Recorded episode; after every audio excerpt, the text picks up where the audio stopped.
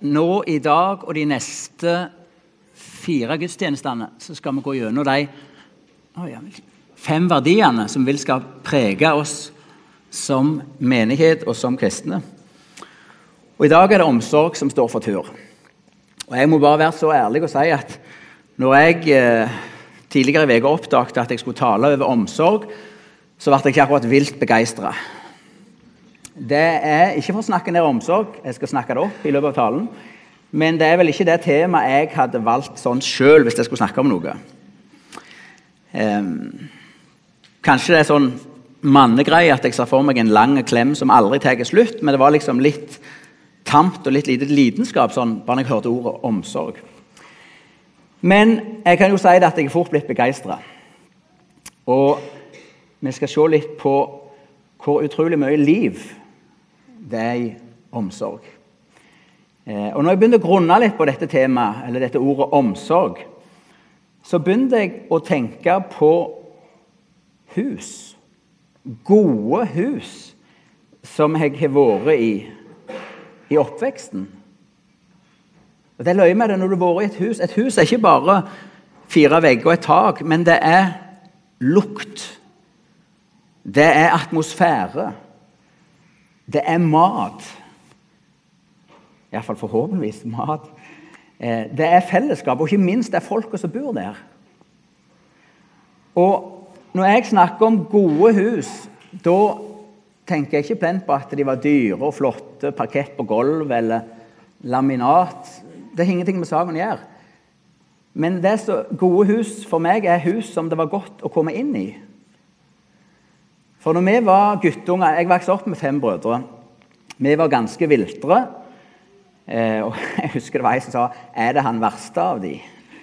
Men det var ganske mye trøkk og det var ganske mye liv i oss. Og det var gjerne ikke alle som hadde lyst til å ha en sånn eh, gjeng inn. Eh, så det var hus hvor vi nesten aldri slapp inn i. Kanskje fordi det var så mye fine pynt, det var så rent, eller det passet ikke. Da var det mer sånn Ja, bare vent litt, så skal jeg spørre om han vil komme ut. Men så var det andre hus som var sånn Ja, hei, Sølve, kom inn. Ja, Andreas er oppe, og han leker med Pleimor. Det var liksom ei vid åpen dør. Kom inn, finn han ungen du vil være i lag med, lek. Og i sånne gode hus det løy, Jeg husker det så godt i dag. Der var det sånn at Når det var tid for å ete, så ble jeg ikke sendt hjem. 'Nå må du hjem, Sølve, for nå skal vi ete.' Nei, kom, Sølve. Kom og sitt. Så fikk jeg lov å være med rundt på kjøkkenbordet og sitte og ete med vært en del av familien. Det er utrolig hvordan det sitter i meg ennå det til å få lov å ha vært i et godt hus. Og jeg er såpass tradisjonell jeg må si at i, i min oppvekst så var det ofte forbundet med ei god mor. Du får ikke et godt hus. Ja, du kan, men i min oppvekst ei god mor. Ei mor som var med og gjorde det varmt. Godt å være der. Jeg følte meg ikke som en brysom inntrenger, men som en velkommen gjest. Eh, og Når vi snakker om gode hus, ei god mor, så er jeg bare nødt for å få lov å si noe om mor mi, Tora. Eh, jeg er veldig glad i mor mi, og meg og mine fire brødre vi er utrolig overbevist om at mor elsker oss, at hun er glad i oss. Eh, og et bilde mor malte i sin ungdom er, Jeg er veldig glad i det, men det er ikke kommet opp på veggen hjemme, for Hege, det feller ikke Hege sin kunstsmak. Det er for lite minimalisme og for mye naturalisme eller et eller annet. Men dette er for meg det er mor. Det er åpne armer det er noen som bøyer seg ned, som tar i favn, som lufter opp. Mor var god mot oss. Hun, eh, hun lagde alt av mat som vi åt. og Mat er viktig, og det er en vei til hjertet, og det er det vært for meg. Mor lagde mat. Mor var den som trøsta oss som var leie som kunne leke med oss. Hun var veldig opptatt av at vi skulle utfolde oss. Det var leire og keramikk og maling og pensler. Bål og turer. Mor hjalp oss med leksene. Eh, når vi kom hjem fra skolen, så var det sånn at det første vi sa når vi kom inn døra, var 'Mor!' Vi ropte på mor. 'Mor, hva er det til middag?' 'Hva mat er det?' Og hvis det en sjelden gang var far, så var der inne, så sier vi 'Far, hvor er mor?' Så Mor var med å gi oss eh, unger et varmt hus å bo i. Og det stoppet ikke med oss, for mor var ikke en helgen, men jeg vil snakke litt godt om mor nå. Hun hadde også hjerte for andre. Eh, noen av dere har hørt om Nærlandsheimen. For 30 år siden så var det en institusjon for psykisk utviklingshemma. Det var en tid hvor han hadde tro på å samle alle på én plass. Mor hadde arbeidet litt der som ungdom eller student og fått kontakt. Og Selv når hun var gardskone på Salte, så var det flere av de som kom kjørende på besøk. Sigurd Hidle han, med, han likte å spille munnspill, og han sånn pinne han spilte på. Han kom for å få omsorg, for å få mat, og for å få en, et hus til å kunne være i. Det var en annen som kom kjørende på en liten knallert, en moped. For de fikk noe når de kom inn. De fikk omsorg. Noen som hadde tid at de var der. De fikk mat. Og så husker jeg også fra oppveksten vi hadde en ungdom buende når vi var små. Han heter Berner. For han hadde det ikke så greit hjemme. Men mor og far Det starta med at han skulle bo i helgene, men så ble det til han bodde noen år. Eh, fordi mor og far åpna huset for ham. De ga han omsorg. Og Berner sier det at det forandra livet mitt. Det forandra livet mitt. Og sier han en ting på Salte så lærte jeg arbeidet. Det er òg en god ting å lære. Omsorg forandrer liv. Og Jesus er vårt forbilde når det gjelder det til å vise omsorg til andre og elske. For det er sånn at det er ikke alle her inne som har en full bankkonto av omsorg fra oppveksten. Det er ikke alle som tenker tilbake først og fremst på varme hus i oppveksten. En god heim. Det er så mye forskjellige ting vi har på konto. Kanskje kontoen din er full av avvisning og skuffelse. Men det som er unikt og fantastisk med å være en kristen, det er at vi kommer inn og har kommet inn i en ny familie. Guds familie. Der er det nye husregler og lover som gjelder, og der får vi alle ny statskapital. For Bibelen sier i 1. Johannes eh, brev, kapittel 4, at vi elsker fordi Han elsker oss først.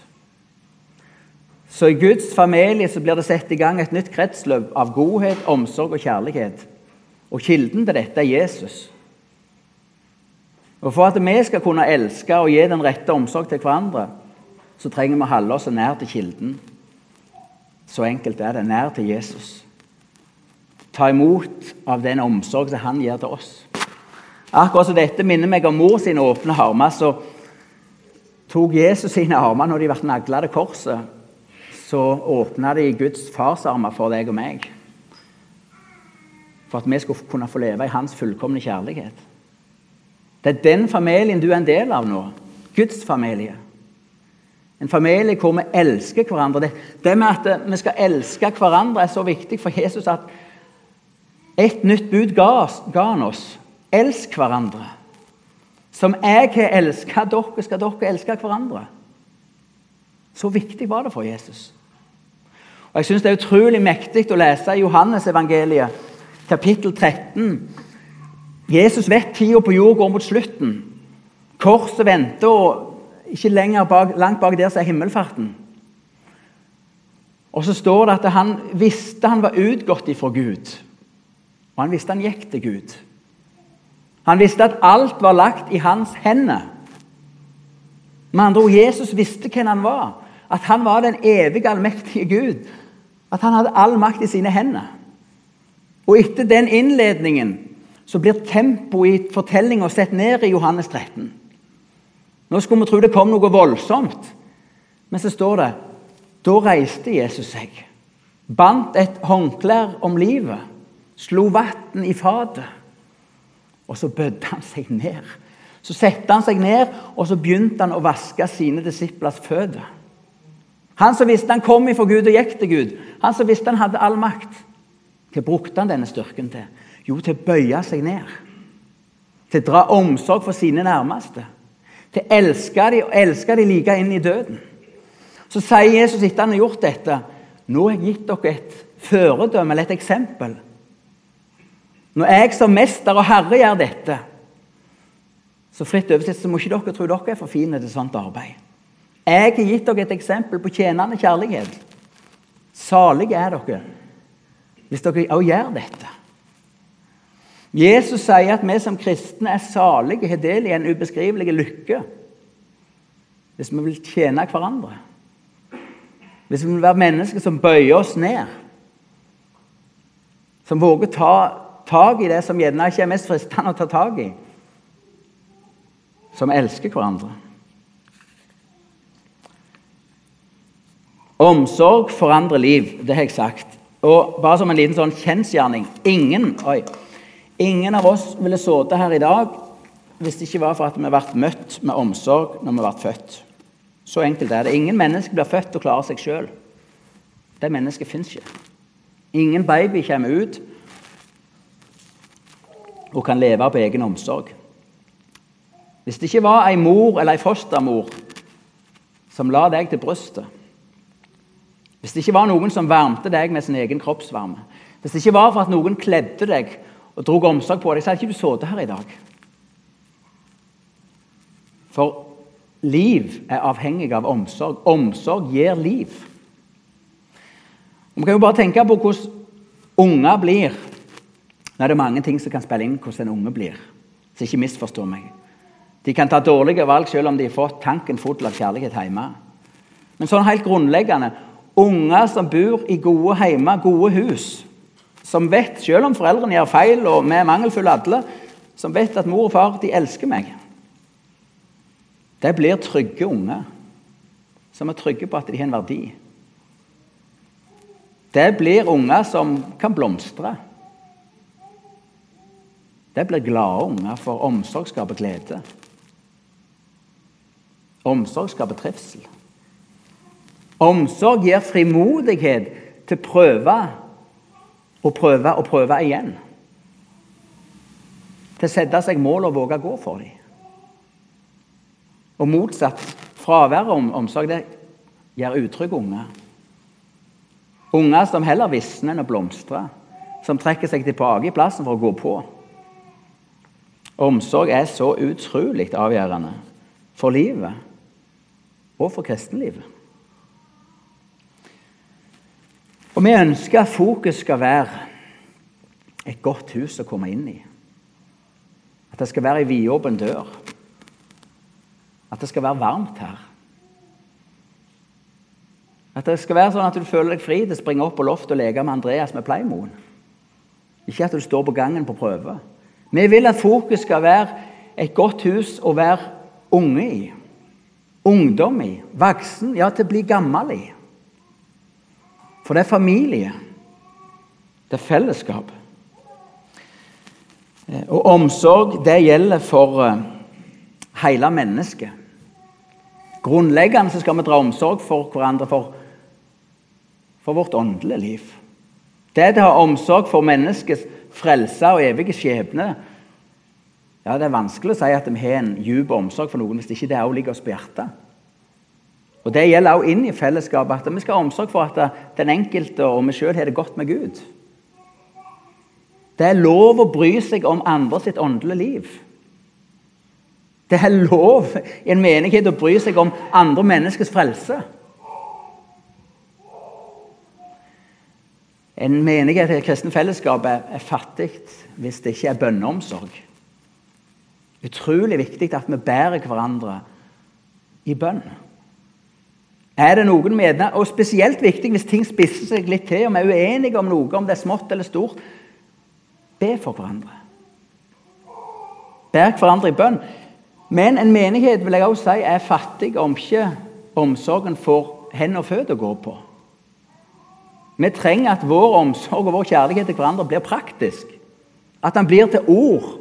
Oppmerksomhet. Hvordan har du det? Kan jeg hjelpe deg med noe? Du så litt lei deg ut i dag. Jeg tror En nøkkel er å ha øyne, at vi ser hverandre. Og våger å spørre inn i livet. Bry oss. Jeg hørte en mann som sa det at eh, hvis han havna i rennesteinene og skulle ha valget, hvem vil du da bli plukket opp av? Hvis valget var mellom å bli plukket av en uh, vill, karismatiske menig som sa halleluja, men som ikke visste hva godt de skulle gjøre for ham. Hvis alternativet var å bli plukket av noen stivbeinte lutheranere som var livredde for å gjøre for mye gode gjerninger for det kunne bli lovgjerninger, så var han ikke i tvil om hvem han ville bli funnet av. Vet du hva? Det er lov å gjøre godt. Det skal mye til at det blir for mye godt. Tru som leves ut i gode gjerninger. Vi trenger de. Vi trenger de ifra hverandre.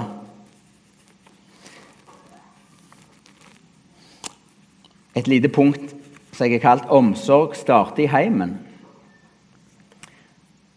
Det tror jeg er viktig å si. For det er ikke en aktivitet Jesus kaller oss til, men det er til å følge i hans fotspor og leve et liv i tjenende kjærlighet, i omsorg. Og Da må dette livet leves ut der som vi lever. Og der det starter, det er i heimen. For å vise omsorg handler om å ta ansvar. Og I Bibelen er det tydelig at vi har et ekstra ansvar overfor vår egen familie, de nærmeste og våre søsken i troen. De to tingene vil jeg si likestilles i Bibelen. Vårt ansvar, omsorgsansvar for vår nærmeste familie og for våre søsken i truna. For det er om du vil en enda dypere familiebånd. Og Bibelen sier i 1. Timoteus 5,8.: Den som ikke har omsorg for sine næreste, og først og fremst for sin egen heim, har fornekta trua og er verre enn en vantru. Den som ikke først og fremst har omsorg for sin egen heim, for sin nærmeste familie, han lever i konflikt med det grunnleggende i tru nå. Ja, han fornekter sin tru. For en levende tru på Guds omsorg det er omsorg til sine nærmeste. Livet henger sammen. Det er lite troverdig hvis kona er ei vrang kranglekjerring hjemme, og så, kommer, så fort du kommer inn på bedehuset, er hun moder Therese. Eller hvis mannen er sint og umulig å ha med å gjøre hjemme, men når han kommer på bedehus, nei, da er han den tjenende diakonen med det største smilet. Livet henger sammen. Og det er med vår omsorg og våre liv. For Gud ser hele ditt og mitt liv. Det er ikke vits i å ta seg sammen og liksom gjøre et skippertak når du kommer inn på et bedehus eller ei kirke, men det skal være et troverdig liv. Det skal være et helt liv. Et liv for Han. Så jeg har et annet lite punkt her som heter 'begynn i det små'. Vi trenger ikke reise utrolig langt vekk for å finne behov og noen som trenger vår omsorg. Akkurat der du er, i din hverdag, i din heim- og familiesituasjon, arbeid eller nabolag. Det fins noen små, kanskje store, oppgaver som du kan få gå inn i. Der du kan få lov til å spørre noen hvordan ser du det. Kan jeg få hjelpe deg med dette? Der du kan få vise at du bryr deg.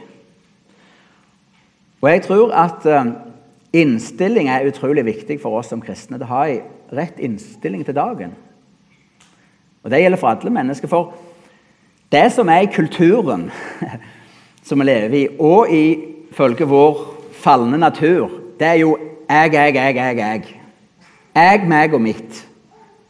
Først meg sjøl, og så meg sjøl, og så meg sjøl igjen, og så meg neste hvis det tjener til mitt eget beste. Det er liksom, Den kommer lett. Det er vår gamle natur, og det er egentlig også sånn samfunnet er. Du må sikre deg sjøl. Du må få dine rettigheter. Først og fremst deg sjøl. Og så er det jo en eh, motkultur å være en kristen. For der er det ikke først og fremst bare jeg, jeg, jeg. Der stoler vi på Guds omsorg for meg. Vi trenger ikke kjempe med nebb og klør for å få alle privilegier. Ikke at vi skal være dumme og la alt som blir Det kan være Guds omsorg, det som kommer rekende på ei fjøl mot oss. Men vi tror grunnleggende på at vi har en far som drar omsorg for oss. Og så skulle det være sånn at alle kristne får erfare denne farskjærligheten levd ut i det kristne fellesskapet. Gjennom kristne søsken og brødre som har mitt beste i tankene. Og Da kan vi komme litt mer i sånn hvileposisjon.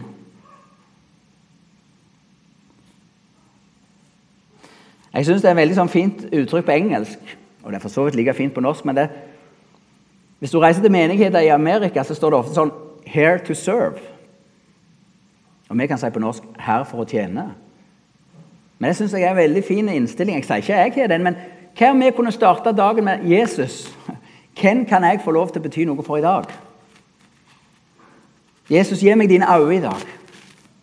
Jesus, kan jeg få lov til å være dine hender for noen i dag? Jesus, gi meg ditt hjerte, for jeg bryr meg litt lite om andre enn meg sjøl hvis ikke du rører med meg først. Jesus, gi meg ditt hjerte. Hvis det var innstillingen vår, så at vi er her for å tjene, så tror jeg dagene blir ganske annerledes. Og Da tror jeg i plassen for å være på det jaget der vi skal sikre oss sjøl hele veien, kunne få erfare mer av gleden av å leve i de store og små ferdiglagte gjerningene. Som han på forhånd har lagt ferdige for at vi skulle vandre i dem. Omsorg. Guds omsorg det er som vi hørte så fint i nattverden, det er en gave til oss. Frelsen er en gave. Og det kristne livet er en gave. For dag for dag så trenger vi Guds nåde. Vi trenger dag for dag å bli tilgitt. Vi trenger dag for dag at Jesus vasker våre føtter, for når vi vandrer, så blir det støv og skitt på føttene. Vi trenger hans tilgivelse hver dag. Hver dag så får vi erfare fellesskap med han. Jeg er med dere alle dager. Det er sant, og det får vi lov å erfare. Ikke plent at vi føler det hver dag, men vi kan hvile i det. Sånn er det. Hans kjærlighet er ny til oss hver dag. Det er en konstant gave som vi får lov til å motta. Og det naturlige i et kristent liv er at dette også blir Guds kall for en oppgave for oss. At det til å leve i Guds gave det blir et kall til å gjøre en oppgave. Gaven, om du vil, føre en oppgave med seg. Vi som får erfare Hans kjærlighet, vi som får erfare å være elska. Det skapes et trang og et ønske i oss etter å få elske videre. Gi det videre. Bety noe for andre.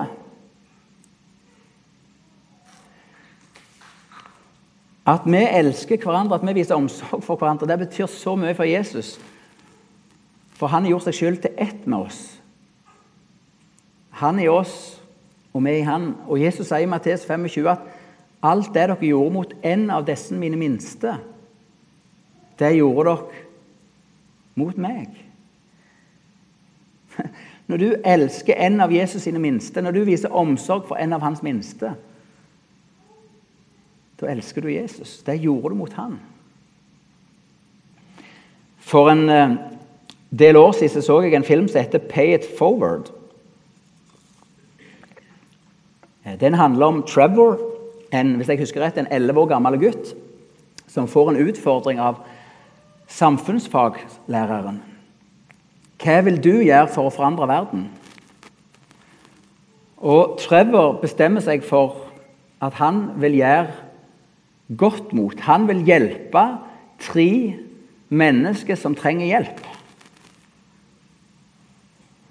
Han starter med å gi mat og husly til en narkoman som han ser på gata. Narkomanen havner riktig på hodet ut når mora dagen etterpå oppdager hvem som overnatta i hus. Sånn fortsetter det. Tre personer gir han hjelp til uten å kreve noe tilbake. Men han har én bestilling, og det er 'pay it forward'. De som mottar hjelp, utfordrer han til hjelp du tre personer sjøl som trenger din hjelp. Som du er i stand til å hjelpe. Utover i filmen så føler Trevor at han mislykkes. Blant annet så havner den narkomane tilbake igjen i stoff. Og Disse tre hjelpeprosjekter de ser ikke så vellykka ut. Og Under tragiske omstendigheter så blir Trevor drept. Han dør. Og Da er det en veldig sterk scene mot slutten av filmen, hvor mora er i sorg i huset. Savnet er jo stort etter Trevor. Men så kikker hun ut vinduet, og ut forbi vinduet så er det et hav av folk med fakler som står der. Trevor hadde følt han hadde mislykkes, men han hadde gitt noe videre. Og dette hadde satt i gang om du vil, et godt kretsløp der andre hadde begynt å gi det videre. Og så sto det et hav av folk som vil være med mor i sorg og i takknemlighet over det Trevor hadde starta. Han syntes sjøl han mislykkes i det. Og Det gjelder for deg og meg òg. Dette er ikke en film, men det er ditt og mitt liv. Det er mye her som skal ta slutt. Det er mye her som er forgjengelig. Men Bibelen sier at så blir de stående, disse tre. Tru, håp og kjærlighet. Og størst blant dem er kjærligheten. Det du gjør i kjærlighet til Jesus, det du gjør i omsorg for hans minste, det er aldri forgjeves. Det har evighetsverdi. Og Jesus tar det imot i dag, her og nå. Det gjorde du mot meg. Helt til slutt, når jeg skulle forberede denne talen, så begynte jeg å tenke på Gunnar. Gunnar med stjernene, kaller jeg han. Når jeg vokste opp, så gikk jeg på søndagsskole på Salte. Jeg tror jeg gikk tolv år der, for jeg var nyfødt. Jeg var ungdomsskoleelev. Og Det som sitter som spikra, det er minne og bilde av Gunnar. Gunnar var alltid der. Og I mine øyne så var han en gammel mann så lenge jeg levde. En gammel mann i lusekofte. Og når jeg ble voksen, så forsto jeg at uh, Gunnar ikke bare hadde hatt et lett liv, men det kunne jeg ikke ane som unge. Han var alltid så blid. For han var odelsgutt, men faren klarte aldri bestemme seg for hvem han skulle gi gården til, eller hvordan han skulle dele den. Så Gunnar døde som faren streng. Han ble en gammel mann, men faren ble mye eldre. Han var bare dreng, eller ikke bare dreng, men han var dreng resten av livet. Han fikk aldri den arven som var hans. Men for meg så var Gunnar Gunnar med stjernene. Og vet du hva Gunnar gjorde? Han kom alltid først. Han kom tidlig. Og så skrudde han på varmen for at det skulle være varmt på søndagsskolen når ungene kom. Og så var det Gunnar sin oppgave å feste fiskene i gatene og stjernene på himmelen for frammøtet. Og Gunnar kunne si 'så godt å se deg, Sølve'. Det var godt. Det var godt du kom. Vet du hva? Jeg tror at Jesus kaller deg og meg til å være som Gunnar. Uavhengig om livet ditt og mitt er lett eller vanskelig, om vi får den arven vi skulle hatt i dette livet, så kaller Gud oss til å være mennesker som skrur temperaturen opp der vi er i menigheten vår, i familien vår. At vi skal være mennesker som også er med og setter stjerner på himmelen for andre mennesker, så de kan løfte blikket og se Far i himmelen. For det sier Jesus, det er jo helt utrolig at en frukt av dine og mine gode gjerninger, av vår omsorg, det er at mennesket priser Gud for våre gode gjerninger. Ikke priser oss, men de priser Far i himmelen. Fordi når vi er med og fester stjerner på deres himmel gjennom vår omsorg og vår godhet, så hjelper det mennesket til å løfte blikket og se en Gud som er over dem.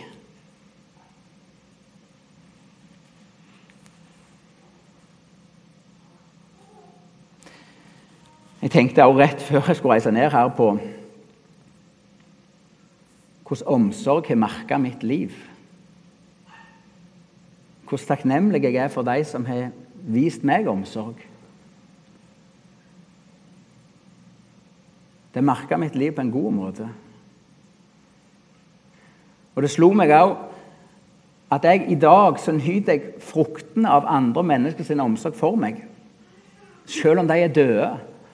Jeg begynte å tenke på min farmor, min mormor, ei Maria Særheim på Vigrestad som sa til meg Sølve, jeg ber for deg hver dag.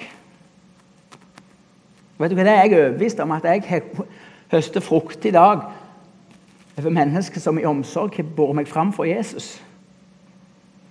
For kjærligheten blir stående. Det vi gjør i kjærlighet, det er ikke forgjeves, men det blir stående. Det er det elska en av Jesus sine minste. Det betyr en forskjell. Det forandrer liv.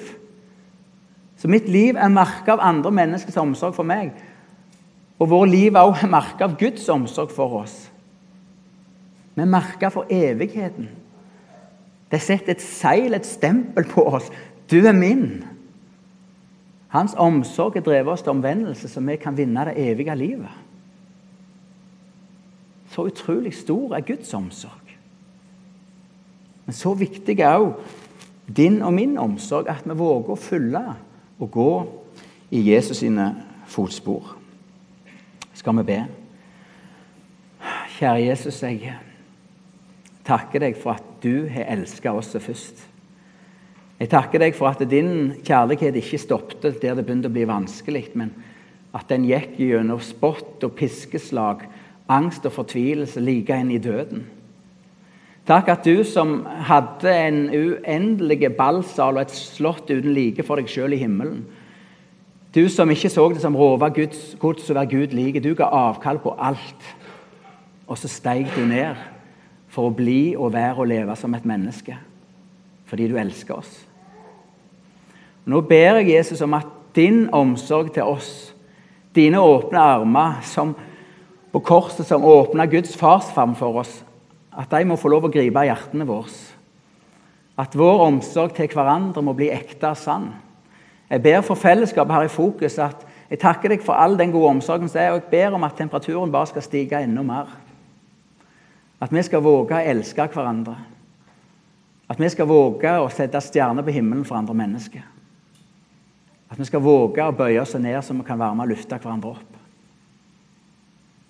Jeg ber Jesus om at dette kallet, som er ditt kall for oss, at vi må høre det. At vi må se de små og store oppgavene som du legger i vår vei. Så vi kan vandre i dem og fullføre dem. I Jesu navn. Amen.